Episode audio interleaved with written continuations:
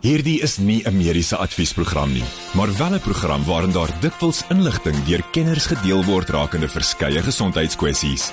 Vir persoonlike raad of advies, raadpleeg jou mediese dokter of sielkundige. En ons begin nou. Die knop is wat so gedruk moet word. Goeie, goeie naam dokter Jaco van die Kerk. Goeienaand. Oh, dit is baie lekker om hier te wees saam met jou. Weereens bymekaar na 'n baie lang rukkie. Kan jy glo? Apart. Ons moet amper mekaar weer voorstel. Ja, nee, maar ons sien ten minste mekaar elke elke liewe week. Ja, sy. Um en vanaand het ek die voorreg om weer saam met jou te sit en te gesels oor dinge wat hierso in die in die mediese wêreld gaan gebeur en wat gebeur het. Voordat ons daarby uitkom en voordat ons by die nuus uitkom, wil ek wel ook net sê, ons gaan praat oor Wêreldtrauma Dag wat gister was. Mm -hmm. Vandag is wêreld chemie dag.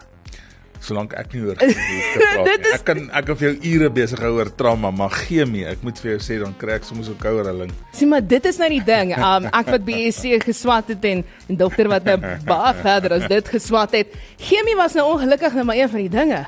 Dis maar een van die dinge in 'n mens moet ongelukkig daar deurkom, maar gelukkig is ons daar deur. Was was dit 'n was dit 'n lekker ervaring? Nee, ek het van chemie gehou. Ons het organiese chemie, mm. analitiese chemie en dan uh, ander organiese chemie gehad en, en dit was lekker. So jy kan nie soos in die in die skool daar as jy skynat of natuur en skeikunde gehad het, ehm mm. um, net op die een kant fokus nie. Jy moet maar op al drie kante fokus want jy het drie verskillende vraestelle, so jy, jy het nie 'n kans gehad nie. Dis die ding. Maar dis wat ons so so dis dalk 'n paar grys hare wat op my kop sit wat daarvandaan afkom. Mens sal dit nooit weet nie. Ek moet sê biochemistry was my baie lekker op universiteit. Um vir alles ons die strukture moes teken. Ek jok eintlik nou. Ja nee, ek moet vir sê. Ek kry regtig koue rillings en nagmerries as ek net daaraan dink. Ek weet nie ons het reg gekry om al daai strukture te onthou nie, maar hier is ons nou. Organiese Ja. chemie was wel heerlik. Dis lekker. Dit was 'n lekker Dis ene. bietjie kuns ook. En um gepraat nogals van van chemie en organiese chemie, chemie en biochemistry. Dit het nogals te doen min of meer met die eerste nuusinsetsel wat ons het en um veral met coronavirus want 'n nuwe coronavirus variant is nou weer besig om geondersoek te word al is die gevalle besig om af te neem. Nou my vraag is is dit nodig? Ek dink dit hang af van watter opsig en in in watter opset jy werk. As jy in 'n akademiese opset werk, soos in 'n departement virologie of soos die die Wêreldgesondheidsorganisasie of dan soos hierdie viroloog wat dan nou geaangehaal word in 'n artikel ehm um, by die Instituut vir Oordraagbare Siektes, dan se dan se definitief belangrik.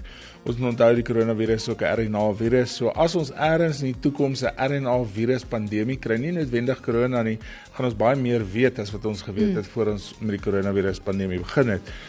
Of dit in Suid-Afrika 'n koste-effektiewe navorsing is, dit dis debatteerbaar. Ek dink daar's baie meer ander Ja. virale infeksies wat baie meer prevalent is, wat baie meer siektes veroorsaak tans wat dan um, eerder met die beskikbare geld wat ons het um, nagevors kan word.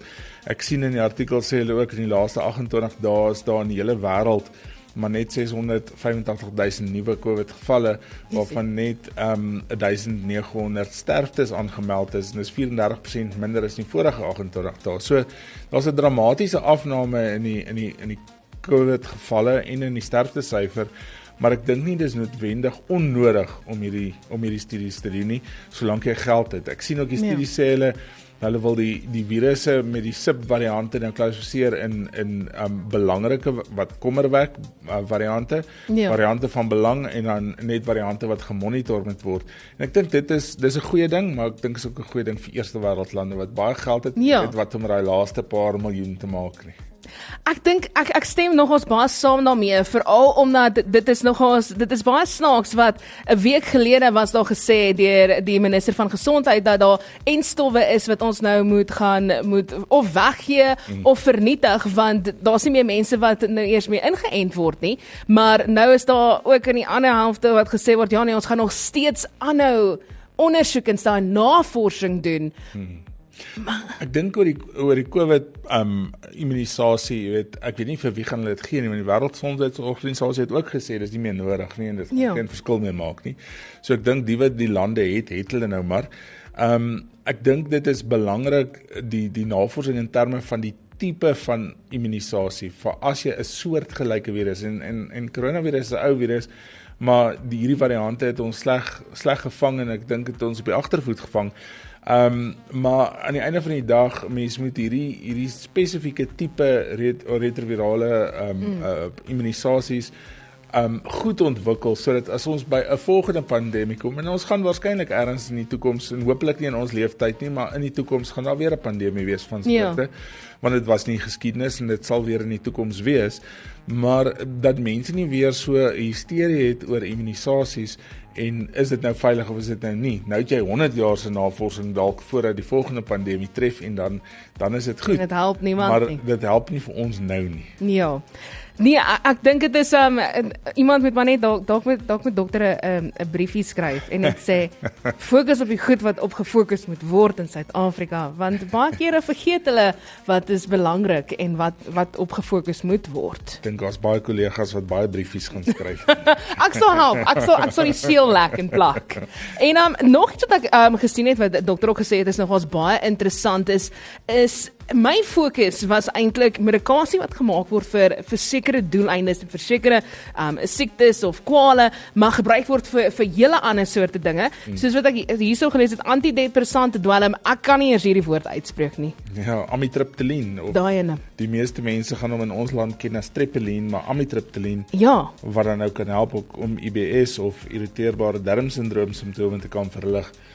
Nou, as mens gaan kyk na amitriptyline, die die molekuul, dan is dit eintlik 'n trisikliese antidepressant. So dit word eintlik as 'n tipe van of een van die klasse van antidepressante vervaardig en in sekere dosisse is dit 'n antidepressant met dan sy geassosieerde effekte en neeweffekte. Mm. In lae dosisse byvoorbeeld amitriptyline word ook gebruik vir pasiënte vir pynsindrome, kroniese pynsindrome, ehm um, fibromialgie, um, spier uh, jy weet mense wat reumatoïede artritis het sal 'n 10 of 'n 25 mg in die aand gebruik waar jy baie hoër dosis vir vir depre, depressie effek gee. Ja. Um, daar is die assosiasie tussen hiperirriteerbare darm of irriteerbare darmsindroom en nie noodwendig net dieet geassosieerde probleme nie, ja. maar ook spanning wat irriteerbare darmsindroom kan aanvuur wat dan nou ook 'n wye verskeidenheid van simptome kan gee. Het sy krampe, diarree, hartlywigheid, pynne op die buik, ehm um, hierdie non-spesifieke goed. Jy jy doen al wat 'n ondersoek is en niks kom positief terug nie. Mm -hmm. En jy het al 'n gastroskopie en 'n kolonoskopie en 'n CT scan en 'n CT scan met kontras en 'n MRI en alles gedoen en jy het alselfs 'n laparoskopie gedoen, dan eindig jy met die diagnose van IBS. So IBS is is is, is 'n sindroom ja. en is 'n erkende sindroom, maar dit is 'n sindroom by wat jy diagnoseer by uitsluiting van al die ander goed.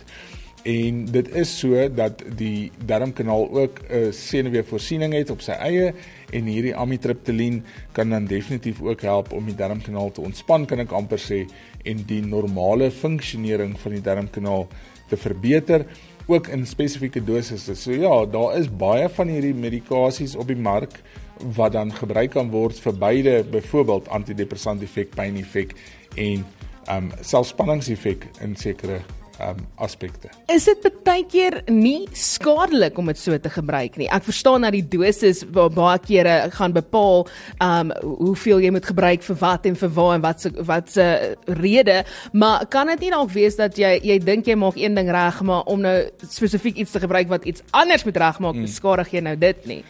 Ek dink aan die einde van die dag ja, dis moontlik. Ek dink dit is moontlik om om potensiële komplikasies te kry as jy een middel gebruik vir 'n ander ding. En ons sien dit baie keer in die wêreld ook. Party lande het 'n spesifieke middel ge, geregistreer vir spesifieke indikasies en in ons land byvoorbeeld sal dit net vir twee van die drie wees. Mm -hmm. Een van hulle is um pregabalin wat een van die van die um baie bekende pyngoeters ook is wat die spinaalchirurge gebruik. Maar in ons land is dit vir diabetes wat se voete doodgaan en en senuwee senuwee probleme het en of gordelroos pasiënte wat hierdie hierdie senuwee besering het of postherpetiese pyn kry word daarmee behandel met daai daai molekuul maar oorsee word dit gebruik vir vir spinaal spinaalpyn en en senuwee drukpyn effek wat hierdie lae rugpyn wat so afgaan in die bene. Nou ons gebruik dit in Suid-Afrika en dan sê hulle ons gebruik dit off label. Ehm um, hmm. jy weet so dit dit varieer ook van land tot land. Ehm um, maar ja, dit is sekerlik moontlik dat 'n mens komplikasies kan kry of abnormaliteite kan kry in ander stelsels, maar so ook met enige ander geneesmiddel. As jy enigiets in jou mond sit, moet dit 'n effek hê op meer as een stelsel en 'n mens moet dit uitskei. Alles wat in ingaan moet uitkom en dit kan dan uit die aard van die saak lewer en niere is maar die die groot uitscheidingsorgane ja. en dit dit dit moet daarop ook 'n effek hê. So mense kan probleme kry, maar jy kan potensieel probleme kry eintlik met enigiets. Ek dink dit hang af of mense dit oordeelkundig gebruik en verantwoordelik gebruik en um dit goed moniteer. As jy dit goed moniteer, dan behoort jy nie probleme te kry nie. So vir sulke situasies, volg jy dokter se raad, volg jy dokter se dosis en moenie wegbly as hulle sê kom vir 'n opvolg. Ja, volg op, volg op, nie bang wees om op te volg nie. Ek dink dit is ek al. Dit is geld maak game. Ja, ek het al een keer was, was daar was daar um, 'n um, ding wat ek voor pille gebruik het en toe sê die dokter kom terug en kyk of dit gewerk het. Toe ek te bang vir die uitslag daarvan, toe bly ek weg. so, um, ek dink ek moet gaan opvolg. Dit is nou 3 jaar. Maar ek seker is dis ons ons is okay. Maar jy leef nog. Ek is nog hierso. ons is nog aan die gang en ons is nog besig met groot trauma tot en met 9uur toe. Vanaand daar is nog gevra dokter Jaco as daar tyd is en ook ons groot onderwerp van die wêreld trauma dag en wat trauma eintlik is en waar dit alles uh, effek kan hê en die tipe verskillende traumas wat um, ons met bietjie stigma lig daarso. Groot trauma met Pieter Kloete en dokter Jaco van die kerk op Groot FM 90.5. So ons is nog besig met ons nuusgesprekke vir wat gebeur het in die wêreld van die mediese wêreld saam met dokter Jaco van die kerk. So dokter, jy het gesê jy het iets raak gelees oor oor beroertes. Ja, dis 'n baie goeie artikel oor ehm um, die die opskrif van die artikel sê organisasie gee beroertebehandeling 'n hupstoot. Nou ons weet beroertes is die tweede algemeenste oorsaak van dood in die wêreld. Mm -hmm. Die derde algemeenste oorsaak van ehm um, onges ongeskiktheid of gestremdheid in die wêreld. En ons weet in Suid-Afrika as mens gaan kyk na die statistieke en die en die en die getalle dat daar omtrent elke 30 minute in ons land iemand is wat 'n beroerte kry. Het sy dan nou wat dan gestremdheid tot gevolg het, um of dan nou wat wat wat selfs tot die dood kan lei.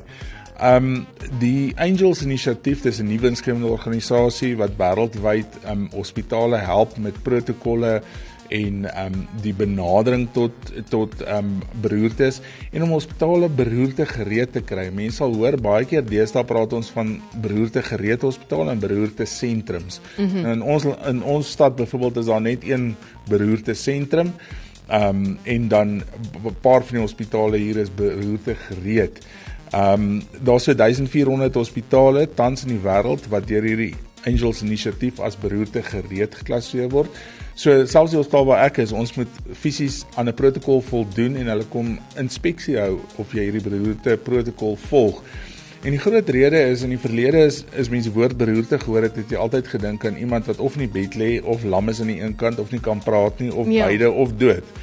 En nou wil ons onderskei as iemand vroeë beroerte simptome het, wil ons so vinnig as moontlik daai persoon sien.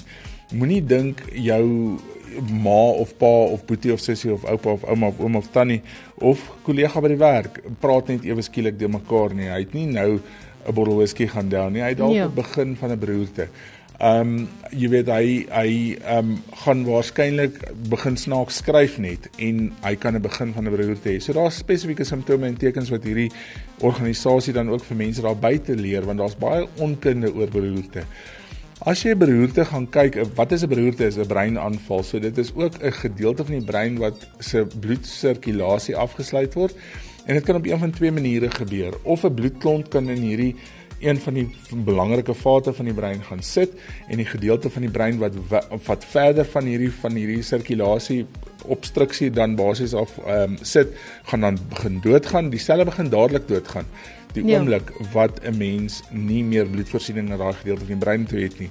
En daai is 'n obstruktiewe of 'n non-hemorragiese beroerte of 'n nie-bloedingsberoerte. En dis hulle wat ons soek. Die ander beroerte is dan waar bloedvat geskeur of gebars het, het sy aneurisme of 'n gewoonlik met die hoë bloeddruk pasiënte of 'n hout in die kop wat dan jy 'n bloeding fisies kry en hulle het gewoonlik 'n slegter uitkoms. Maar ons soek eintlik hierdie persone wat 'n groot persentasie is van almal wat beroertes het wat non-hemorragiese beroertes het. So die die reël is as jy binne 4 tot 4 en 'n half ure by die hospitaal kan kom, 'n scan kan kry, die radioloog sê vir die ongevalle dokter aan diens dit is nie 'n bloeding nie of dit is 'n bloeding. As dit nie 'n bloeding is nie, is daar 'n protokol wat gevolg kan word en mens kan medikasie gee om hierdie beroerte om te keer. Ek het al die voorreg gehad om 'n paar beroertes te sien wat iemand inkom wat glad nie eenkant van die lyf kan beweeg nie, wat glad nie kan praat nie en voordat hulle in ICU is kan hulle praat en beweeg. Ja, sien. Ehm um, so jy kan beroertes omkeer as jy vroeg genoeg die diagnose maak, as jy die regte ondersoeke doen, as jy eh, die regte hospitale besoek en dan ehm um, die die regte medikasie kry. Baie mense, soos ek sê, stel uit of ontken en dan het mense regtig 'n slegte uitkoms. En ek dink hierdie organisasie of die, die Angels inisiatief ehm um, is definitief groot om mense op te voed dat hulle nie moet dink dat hulle kom ons gee net nog halfuur of 'n uur en kyk of oupa nie beter is nie. Dit mm -hmm. gaan nie beter word nie. Ek het 'n vraag in, eh, in terme van spesifiek oor iemand wat nie moet uitstel nie. Veral omdat daar nou soveel kere nou ehm um, in die laaste paar maande het ek van mense gehoor wat baie baie jonk is, vroeë 20s, vroeë 30s. Rian Benadi wat mm. um onder 33 is wat gesê het hy hy het in die hospitaal gaan net 'n beroerte gekry. Mm. En ek dink baie mense klassifiseer dit maar soos wat mense dit noem 'n ou mens siekte. Mm. So, hoe kan spesifiek jonger mense besef dat luister hierso, dit is nie ek wat net gou-gou glitch nie. Ja. Dit is dit is iets ernstig. Ek moenie, soos wat dokter nou gesê het, dit uitstel of afstel om daarna te gaan kyk nie, want jy dink nie dit gaan met jou gebeur nie. Jy dink nie 'n 'n 'n kind in laerskool gaan 'n hartaanval kry nie, maar dit gebeur dit, nou deesdae. Dit gebeur. En ek dink dis die dis die hele groot die hele groot boodskap is die mense kry nie meer hierdie siektes wat net ou mense of net ja. jong mense tref nie. Ehm um, dieselfde risikofaktore vir hartaanvalle is ook die risikofaktore vir beroertes, hoë bloeddruk, cholesterol, diabetes, manlike geslag as jy ouer, ag jonger is as 50, ehm um, rookgeskiedenis, familiegeskiedenis. Ehm um, en 'n mens moet daai goed in ag neem. In die oomblik wat jy daai goed in ag neem, weet jy jy's 'n hoë risiko. Mm. En dit kan enige tyd gebeur. Jy weet, ons sien mense gereeld met hartaanval en beroertes. Ek nou dag 34 jarige um, 'n persoon gesien wat wat 'n slegte hartaanval gehad het. Jy weet wat eindig met 'n omleiding aan die einde van die dag. En dan en en en en dis nie net die siek mense of die ou mense wat so siek word nie. Ja. Um ons moet vergeet daarvan dat mense net ou mense ou mense siektes kry en net jong mense jong mense siektes kry. Ons is besig om in 'n in 'n in 'n tydperk te leef wat almal alles kry en mense moet oop wees vir vir vir die diagnose van alles en dit voorkom.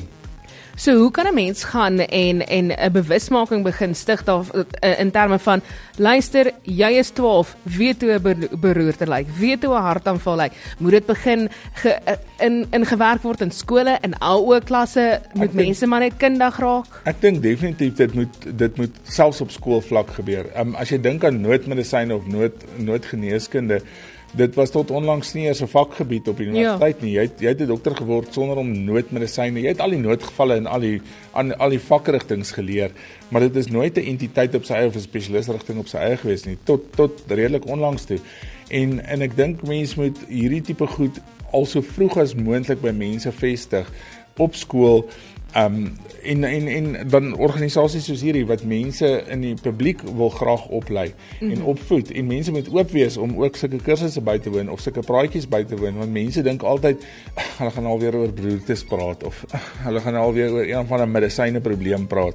Ehm um, daar's baie keer baie goeie inligting en dit kan baie keer interessant wees om na hierdie goed te luister. Die mediese tegnologie is baie modern deesdae en dit is dit is baie interessant om te luister hoe gevorderd die die veld geword het. Ek dink is een van die velde wat die meeste ontwikkel, die vinnigste ontwikkel en en ek dink almal wat in die veld te sukkel om by te bly, so vinnig ontwikkel dit. Ja. En jy kan nie op alles bybly nie, so jy moet besluit in watter gedeelte van medisyne jy 'n goeie en 'n groot bydrae wil lewer en daarmee jy gaan fokus en jy gaan probeer om by te bly op daai vlak um en op daai gebied.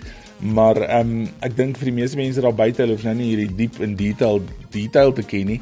Maar um dis goed om net 'n algemene oorsig te hê oor hierdie goed. En gelukkig op die, op op uh, in ons era die die inligtingstegnologie is goed. 'n Mens kan baie goeie inligting kry, maar jy moet ook op die regte plekke gaan lees. Alles op Google is nie noodwendig goed nie. WebMD weet nie ja. altyd wat hy sê nie. Um en eh, gepraat van hoe jy jouself moet inlig oor dinge. Die die die laaste gesprek wat ons wou hê was oor die nuus en als is spesifiek mediese fonds en ek dink hierdie gaan my baie baat want ek moet ongelukkig nou volgende jaar van my maale se mediese fonds afgaan. Ek moet nou 'n groot mens wees en my eie een betaal. Maar nou sit ek daar ek sê van Ek weet nie waar ek hierdie duisende rande, want dit is deesdae hoeveel dit kos, moet na wa, watse waar moet ek dit gaan sit? Wat gaan vir die mees voordelig wees vir my? Ja, ek dink die groot ding is die ekonomie in in, in ons land is sleg en mense soek maniere om geld te spaar. So wat is die maklikste manier om te spaar? Gradeer af op jou mediese fonds. Ja. Ehm um, Of kanselleer Of dit. kanselleer dit. En ons sien dit al hoe meer ook in praktyk. In privaat praktyk sien ons al hoe meer mense wat glad nie fondse het nie. Ehm um, tog dink ek is dit is dit belangrik om te gaan kyk wat is jou behoefte. Ehm um, mense moet nie oor of onder eh, in aanhalingstekens verseker wees nie. Mm -hmm. Ek dink 'n paar goed wat wat dalk belangrik is om na te kyk is een mens moet gaan kyk en wat se lewensfase jy is. Is Ja. jy al is jy is jy net uit die skool uit of is jy nog 'n jong volwassene wat geen kroniese siektes het nie, jy het ook nie 'n geskiedenis van beserings of siektes nie, dan hoef jy nie hierdie massiewe comprehensive plan uit te neem nie. Ehm um, wat is jou gesondheidsbehoeftes? Ehm um, het jy familiegeskiedenis byvoorbeeld van kanker of van hartsiekte of wat ook al, dan weet jy min of meer as my pa, ma, boetie en sussie almal hartaanvalle op 50 gekry het, wat Ja. is nou die kans dat ek nou nie ongelukkig een gaan wees om dit nie te kry nie, nê? Nee. Ehm um, so dink daaraan.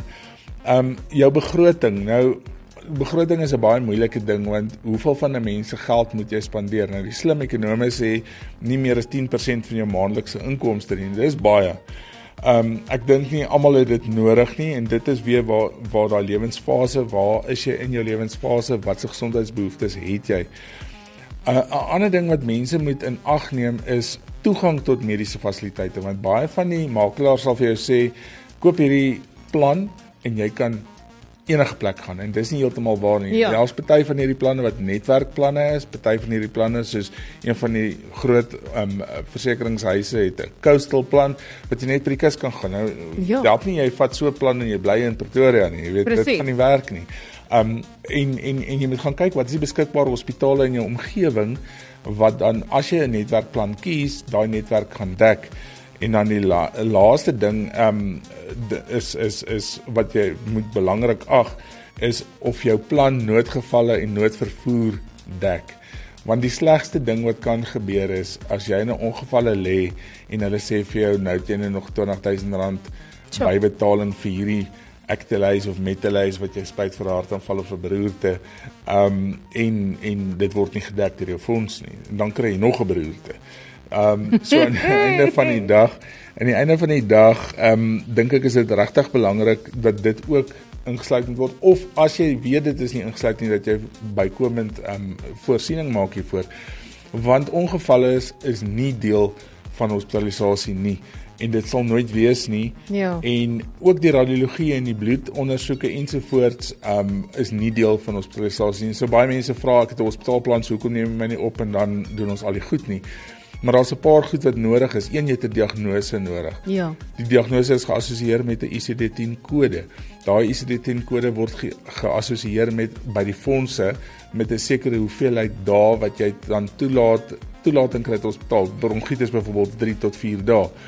Um en dan moet jy ook 'n behandelingsplan hê. Jy kan nie net sê ek neem iemand op en ons kyk wat gebeur en ons kyk wat is die diagnose Ja. en dan gaan ons van daar af nie. Jy moet 'n plan hê en die fonds wil sien dat daai plan nie buite hospitaal gebeur of word nie. Anders gaan jy nie magtiging kry nie. En dan aan die einde van die dag is mense baie keer kwaad vir die vir die vir die diensverskaffer omdat hulle nie eintlik goed ingelig is deur hulle makelaar nie. En ek dink mense moet daai inligting baie baie goed deurlees, die fynskrif ook voordat jy besluit watter fonds jy gaan vat. Ongelukkig is dit nou maar so hoe hoe ons wil dit nie erken nie, maar selfs 'n mens se lewe is 'n besigheid Dis vir iemand. ongelukkig. So ongelukkig. hulle gaan probeer geld maak. En ons het altyd gesê dinge, medisyne wat sê die ou wat die meeste geld maak, is die ou wat die verste van die pasiënt af staan. O, Ehm, ja. Jy weet, die ou wat die wat die wat die prestese inbring, die ou wat die wat die fonds verkoop. Um hy sien jou nie daai aand wat jy 12 uur in die nag by die hospitaal opdaag nie. Ehm um, maar hy het klaar jou geldjie gekry. Ja, dit is dis ongelukkig so en ek dink dit was 'n groot stres vir my want ek ek ek sit daar so ek soos van ek ek is 'n jong mens, verdien net soveel. Ek het ja. nou vir my 'n nuwe kar gekoop. So gaan die kar nou maar die noodvoertuig wees wat my op en af moet nou maar gaan. Dit is altyd 'n slegte plan nie, né? Partykeer is dit vinnig. Ons ons skappe lig hier daarso bo op die dak en ons weet. So 'n mens moet baie ingelig word. Dit is maar die hoof fokus van alles. Wees ingelig oor mense dinge wat jy voel is nie net dalk ou mens siektes nie, maar oor die algemeen iets wat deesdae gevaar is en wees ingelig oor die mediese fonds wat jy kry sodat dit vir jou kan baat. Dit help nie jy het dekking vir ouma en oupa, maar nie vir jou nie. Definitief. Dit is 'n groot trauma op Groot FM 90.5. Groot trauma met Pieter Kloete en dokter Jaco van die Kerk op Groot FM 90.5. Ja. So, dokter het die geskiedenis daarvan. Ja, kyk, trauma is een van my groot liefdes. Ek dink ehm um, alles sê mense is mal as jy van trauma hou, maar soms ek dink ons het almal maar wat in in ongevalle of in noodmedisyne werk, het maar seker maar 'n stukkie malgheid in ons. Ja. Maar ehm um, die geskiedenis van van trauma kom eintlik nie so lank terug nie. Voor 1980 was daar nie 'n gestruktureerde en 1980 is nou onlangs gewees, né? Ja. Nie gestruktureerde kursus vir mediese personeel oor die wêreld heen om 'n trauma pasiënt optimaal te behandel waar hy daar fisies seer gekry het nie. Almal het nog steeds hulle vakgebiede gaan gaan bestudeer en chirurgie was chirurgie en neurochirurgie was neurochirurgie en urologie en ortopedie en al hierdie goed, maar niemand het trauma as 'n entiteit op sy eie gesien nie. En daar het 'n tragedie gebeur in Februarie 1976. Dit was 'n ortopediese chirurg, Dr. Steiner, Jeremy Steiner. Hy het gevlieg sy eie vliegtyg met sy vrou en vier kindertjies in en hulle het dan nou in 'n vliegongeluk gekom en sy vrou is op slag oorlede.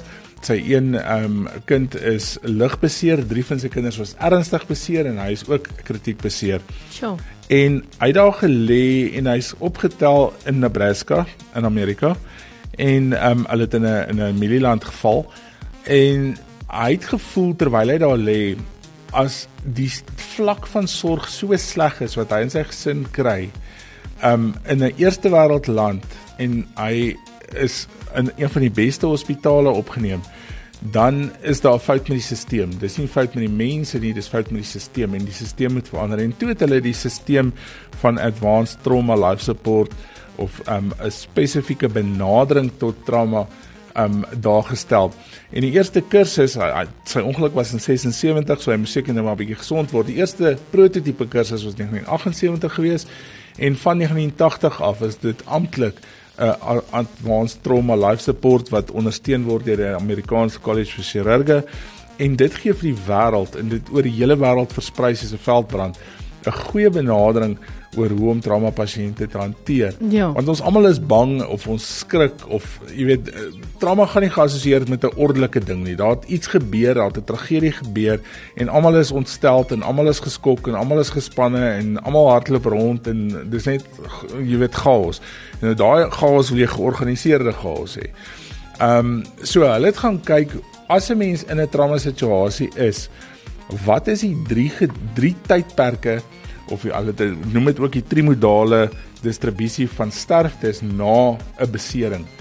En daar's drie fases. Die initiële fase of die eerste piek is dan nou direk na die besering. Jy weet jy het so massiewe besering gehad, jy het 'n breinstam besering of jy het 'n hoë spinaalkoord besering of jy het 'n hartbesering of jy is dekapiteer of wat ook al die geval mag wees, jy is daar daar dood by die by die insident. Die tweede piek van van sterfte is so gewoonlik binne 'n paar minute tot 'n paar ure ja. na die insident en dis waar die entiteit van of die, die term vanaand kom the golden hour. Dit gaan nie net oor die 60 minute nie, dit gaan oor daai eerste paar uur na die besering. Kan jy die grootste impak maak in iemand se lewe en ook die die verloop van die herstel kan jy tot 'n groot mate beïnvloed. Daar's goeters soos hierdie stadige breinbloedings longe wat platval, ehm um, multe wat ge geskeur is, lewers wat laserasies in het. En dis waar jy die grootste impak kan maak. Soos jy 'n goeie benadering het om daai diagnose vroeg te maak en optimaal te behandel, gaan daai pasiënt oorleef wat voor 1980 sou sterf. En dan jou derde piek van sterftes is gewoonlik so binne 'n paar paar dae tot 'n paar weke na die insident en dis goed soos multiorgaanversaking en sepsis en hierdie klas van dinge. En en en almal dink en, en ek dink dis die mite van die aand. Almal dink trauma is net gebreekte bene en bloed, Ja. maar dit is ook sepsis wat later kom. Dis ook multiorgaanversakings, internistiese komplikasies wat later kom wat dan deel is van hierdie trauma en mense moet dit nooit vergeet nie. So van hierdie trimodale of drie fases of drie pieke van sterftes na trauma kan ons op die tweede en die derde um piek met hierdie advanced trauma life support beginsel of die Amerikaanse hart beginsel uh, uh trauma beginsel kan 'n mens dan nou um 'n groot verskil maak. En hulle het gaan kyk ook na om dit maklik te maak. Kyk, is 'n mens gespanne is, dan kan jy nie lekker dink nie, né? Mense blank mos uit as hulle gespanne is. So hulle het gaan kyk wat maak jou eerste dood? Die ding wat jou eerste dood maak is jou lugweg. As jy nie 'n lugweg het nie, gaan jy doodgaan. En die eerste ding, dis waar die ABC beginsel vandaan kom. Eerste ding is airway, so lugweg. En as jou lugweg uitgesorteer is, dan moet jy seker deur die ding kan asemhaal, né? Tweede een is breathing. So as jy nie 'n lugweg het nie, jy kan nie asemhaal nie as jy dood. Irrelevant van maak nie saak of jou jou onderbene soos 'n zigzag lyk nie, hy kan jou nie nou doodmaak nie. Die derde ding is jou sirkulasie.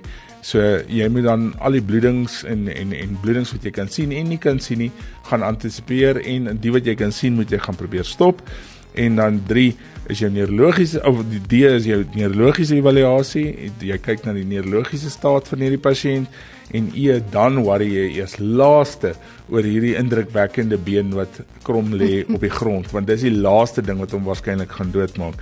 So daai hele beginsel of die konsep van A B C D E het so gemaak dat mense dit ingeprent het in hulle kop dat dit later maklik is en en en outomaties kom. Jy hoef nie eers te dink terwyl jy in die situasie is nie. Dit het 'n ongelooflike verskil gemaak in die die behandeling en die uitkoms van trauma pasiënte as sulks.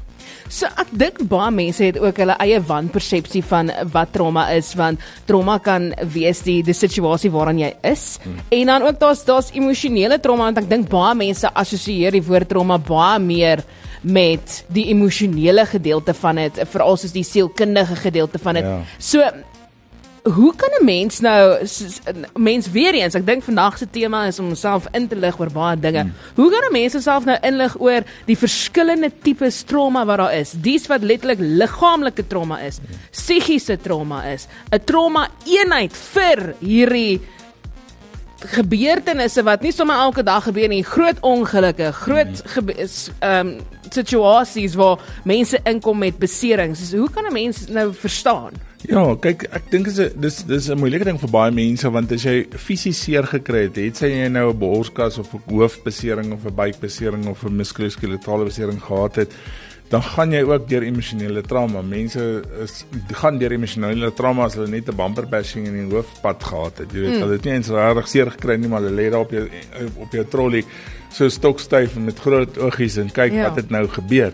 En as jy hulle vra waar is dit seer dan sê hulle nee, dis nie eintlik seer nie. Hulle weet nie eintlik Hulle is hoekom is hulle ges- hier hulle nie. is Hulle is geskok. geskok. En daar is jou emosionele trauma en dis die sleg ding waar ek dink daar 'n tekort is in Suid-Afrika aan opleiding by ons as dokters in terme daarvan. Ja. Want ek het ek het in 2017 noodmedisyne my M klaar gemaak en en hulle het nooit vir ons geleer hoe om emosionele trauma te hanteer. nie. Ek wil inkom, ek wil sien ja, jy lê daar en jou jy het 'n breinbloeding en jy het dalk 'n lewerlaserasie en jy dalk 'n femurfraktuur, so ons splint jou femurfraktuur, ons gaan jou teater toe vat vir jou lewerlaserasie, ons gaan jou splenektomie doen vir jou milt Ja. en dan kan die neurochirurg kom en sommer sy boorgat doen terwyl ons buik doen. Um daai klas van ding en en en dis hoe die meeste trauma eenhede in ons land werk.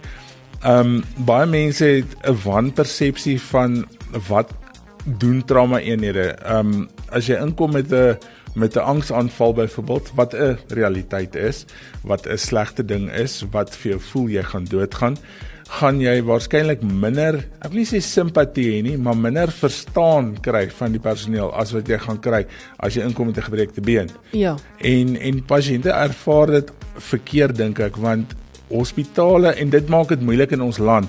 Hospitale is of geregistreer om psigiatriese en sielkundige probleme te kan hanteer of glad nie en 99.9% van hospitale in ons land is nie geregistreer daarvoor nie.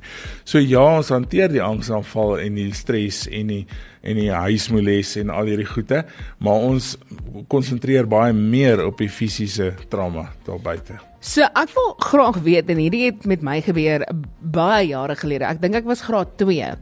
En um dit het my bietjie agtergrond storie van my vanaand ken dokter Jaco my beter as meeste mense. Ek hoop dit is 'n moeilike vraag. Dit dit gaan nie 'n moeilike vraag wees nie, maar dit gaan 'n dit gaan een wees wat ek dink baie min mense antwoord voor kry, maar dit as die antwoord kry. Hmm as ek sin maak om yeah. So ver. Um in graad 2. Jy weet mos dit is nou wanneer jy begin groei en jy doen dinge. So ek het vir ek het in graad 2 nogals 'n uh, 'n hele paar kilogramme opgetel. My ma het gesê dit lyk nie baie lekker nie. Gaan toe dokter toe, doen 'n paar toetse en ek sê dit nou maar in aanhalings want um nou nadat ek geswat het en alles het gevoel, dis nie die regte toetse met die diagnose wat ek gekry het nie. Het ek uitgekom as insulienweerstand. Okay. En toe my ma nou vra nou maar ons het nie 'n geskiedenis van diabetes of insulienweerstandigheid in ons familie nie. Waar kom hierdie vandaan? Hierdie dokter vir my ma gevra en gesê wat so groot trauma het in jy het in die familie gebeur. En die grootste ding wat gebeur het is 'n jaar voordat my ouma grootjie was oorlede. Mm, mm. En ek dink nou terug dit was ek was glad nie emosioneel daaroor geraak of iets dit nie. Ek was klein, ek was graad 1. Ja. Ek het nou eers verstaan wat wat die dood is, maar ek het nie gevoel van sjoe mm ek weet nie wat aangaan nie. Ja. En ek voel net daar's baie kere waar mense soos soos diabetes mm. en dalk liggaamskwale of dalk eh, sindrome en siektes assosieer met trauma gebeurtenisse, mm. maar ons is eintlik seker wat dit beteken nie. Ja, ek dink jou jou voorbeeld van insulienweerstandigheid Ek dink daai is 'n mite. Mm -hmm. Ek dink um, mense gaan nie insulienweerstandig word as gevolg van stres of 'n angsaanval of spanning of of of 'n traumatiese gebeurtenis nie. Um ek dink baie mense glo nie meer aan die term insulienweerstandigheid nie hulle sal eerder gaan vir metabooliese sindroom of jy is dan klaar het daar's 'n kardioloog wat glo daar jy's of 'n diabetes tipe 2 of jy is nie. Ja. Want wat is tipe 2 diabetes is eintlik maar net jou insulien werk nie optimaal nie. So jou pankreas maak nog insulien maar dit maak nie noodwendig die die glikose beheer optimaal nie. So wat gaan jy doen as jy 'n bloedtoets doen met insulien as jy gaan verhoogde insulien vlakke kry en dan sê almal jy's insulienweerstandig. Maar dit is ook so dat insulien nie effektief werk in vetweefsel of adipose weefsel nie. So en dis waar metabooliese sindroom inkom en dis waar almal altyd sê moenie net vir jou gewig gaan. Almal wat ons op 'n dieet gaan en sê ek wil 10 kg verloor of 20 of 30. Ja. Party van die dieete gaan nie werk nie, jy het die helfte van jou verloor in 3 maande of so iets. Ja. Ehm um, dis nie waaroor dit gaan nie. Die dit dit gaan oor middelmate en sentrale obesiteit en hormonale effek van die van jou vetweefsel bo 'n sekere persentasie. Want dan word daai vetweefsel eintlik as 'n orgaan gesien deur jou brein en jou liggaam. En dis hoekom jy dit ook nie net kan uithaal nie. 'n 'n hmm. plastic surgeon gaan nie vir jou 'n liposuiging doen van 50 kg vetweefsel nie, want hy gaan vir jou dood opereer so. Um jy dis soos om 'n groot orgaan uit te haal.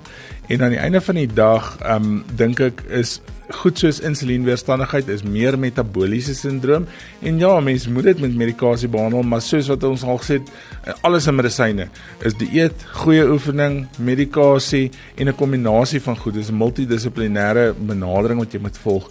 Um ander sindrome, ja, ek dink spanning en stres en en en en traumatiese emosionele gebeure kan sekere goed nie trigger nie, maar vererger vir jou, maar dit gaan nie dit veroorsaak as mm. nie, definitief. So as as iemand sê ja, dis as gevolg van trauma, moet jy maar dalk 'n tweede opinie kry of net of net smaan. Of net smaan. Oh, die lewe is 'n trauma. Dis maar so. Wel, jy jy het nou jou jou mite gegee, maar net om net om weer daaroor te fokus, is dit meer daai ding van dit is nie net die die bloed en die mm. en die gebreekte bene en daai goed nie. Trauma is is baie meer intiem en eh, dit moet baie meer gefokus daarop word. En ehm um, wat sal wat sal dokter sê is die ding wat daardie education sal bevorder? Ek dink mense moet baie meer blootgestel word aan inligting oor noodgeneeskunde of noodmedisyne. Almal weet altyd wat doen 'n ortoped en wat doen 'n ginekoloog ja. en wat doen 'n algemene chirurg en wat doen die en wat doen 'n oorneus en keel ou. Hy haal nie net mangels uit nie toevallig. Ja. Um, maar niemand weet ooit is as ek sê ek doen emergency medicine dan dink mense wat maak hierdie mannetjie? Is iemand vinnig as ek my ja, as ek my skraps in aantrek en daar staan emergency medicine en trauma, wat maak hy? Is hy besig om nou sielkundige te wees wat 'n bietjie bloed opstop mm. of wat doen hy? Ek dink die die die groot ding is dis nog 'n nuwe rigting en ek dink daar moet baie meer inligting beskikbaar gestel word en wees en ek dink dit inligting moet beskikbaar gestel word deur die universiteite wat nog eintlik klein departemente is op hierdie stadium in ons land Oorsee is dit lankal 'n storie. Ja. Die Amerikaners werk al lank al op emergency physicians en is net hier by ons wat ons 'n paar jaar agter is. En dan aan die ander kant is um ek sien in die mediese skole tans is daar deel van hulle algemene chirurgie blok is ook noodgeneeskunde wat vir my baie baie goed is. En ek dink um mense moet op skole ook be, be, of of bewus gemaak word of almal wil net 'n dokter word en as ek sien hierdie hmm. hierdie um koerante wat mense so elke jaar kry, jy weet, dan sal jy nou hoor hierdie een stel belang in die brein, sy gaan 'n neurochirurg word en hierdie een stel belang in bene en daai een wil 'n pediatriese kardioloog word en al hierdie snaakse goede. Maar um ek het nog nooit van 'n emergency physician gehoor. Ja. Wat iemand sê ek wil graag in noodmedisyne ingaan nie en ek dink daai is 'n ding wat ons moet regstel en is 'n ding wat ons baie meer moet moet op klem lê dat mense bewus gemaak word van noodgeneeskunde as 'n veld en as 'n vakgebied en as 'n spesialis rigting op sy eie. En ek dink, um, as 'n mens gaan kyk wat is die hoofoorsake van dood in die wêreld is is een van hulle is, ja. is trauma, is is beserings en en en trauma is en noodgeneeskunde is ek dink een van die besigste rigtings daar buite, maar met die minste blootstelling. Ek dink um, ons moet beslis sê dit is nie oor see se firefighters en paramedici wat elke keer net werk met trauma nie, maar dit word gedoen in Suid-Afrika ook. Ja, maar ek wil ook sê mense moet nie TV gaan kyk en ja. dink die hele span gaan buite staan en wag vir jou nie want daar's waarskynlik 20 ander mense wat in die trauma eenheid lê wat ook hulle aandag nodig het. En dis die ander probleem in ons land is daar's 'n tekort en daai tekort is so ongelooflik groot dat daar in enige gegee trauma eenheid in hierdie dorp geen om waar nie. Ons in waar ek werk of of of enige een nie is daar 'n tekort aan personeel daar's 'n tekort aan dokters daar's 'n tekort aan opgeleide dokters. En almal dink altyd um hulle wil net nie hulle deel doen nie of hulle is lui of hulle sit in teedrink agter daai mense werk regtig hard en ek ja. dink mense moet regtig waar bietjie empatie ook met hulle want um, dit is nogal uitputtend. Jy kan nie nou 'n resusitasie doen van byvoorbeeld 'n kind wat in 'n swembad beland het en jy daai kind verloor en jy net met die ouers gepraat en die volgende pasiënt wat jy sien is iemand met hoofpyn en dalk urineweginfeksie en jy met daai simptome nee, en jy het daai simpatie en empatie maar daai persoon gaan waarskynlik vir jou sit en wag vir 2 ure. Ja. En dis nie omdat jy sit en tee drink nie, jy het ook 'n emosionele tol wat op jou geëis word um, as gevolg van van die beroep en en en en die werk en die omgewing waarin jy is is 'n hoë stres omgewing. En um, die mense moet dalk net ook in ag neem as 'n mens daar na daai persoon gaan kyk wat na jou toe kom die volgende pasiënt in die lyn um, dat as hy dalk so half stillerig lyk, is dit dis nie dalk net 'n persoonlikheidsprobleem of hy's nie kwaad vir jou nie. Dis dalk net hulle het um, hulle eie emosionele trauma. 'n emosionele trauma wat hy deurgaan het en hy bly aan die einde van die dag ook 'n mens. Ja, ek kan dit nie ek kan dit nie in beter woorde sê nie.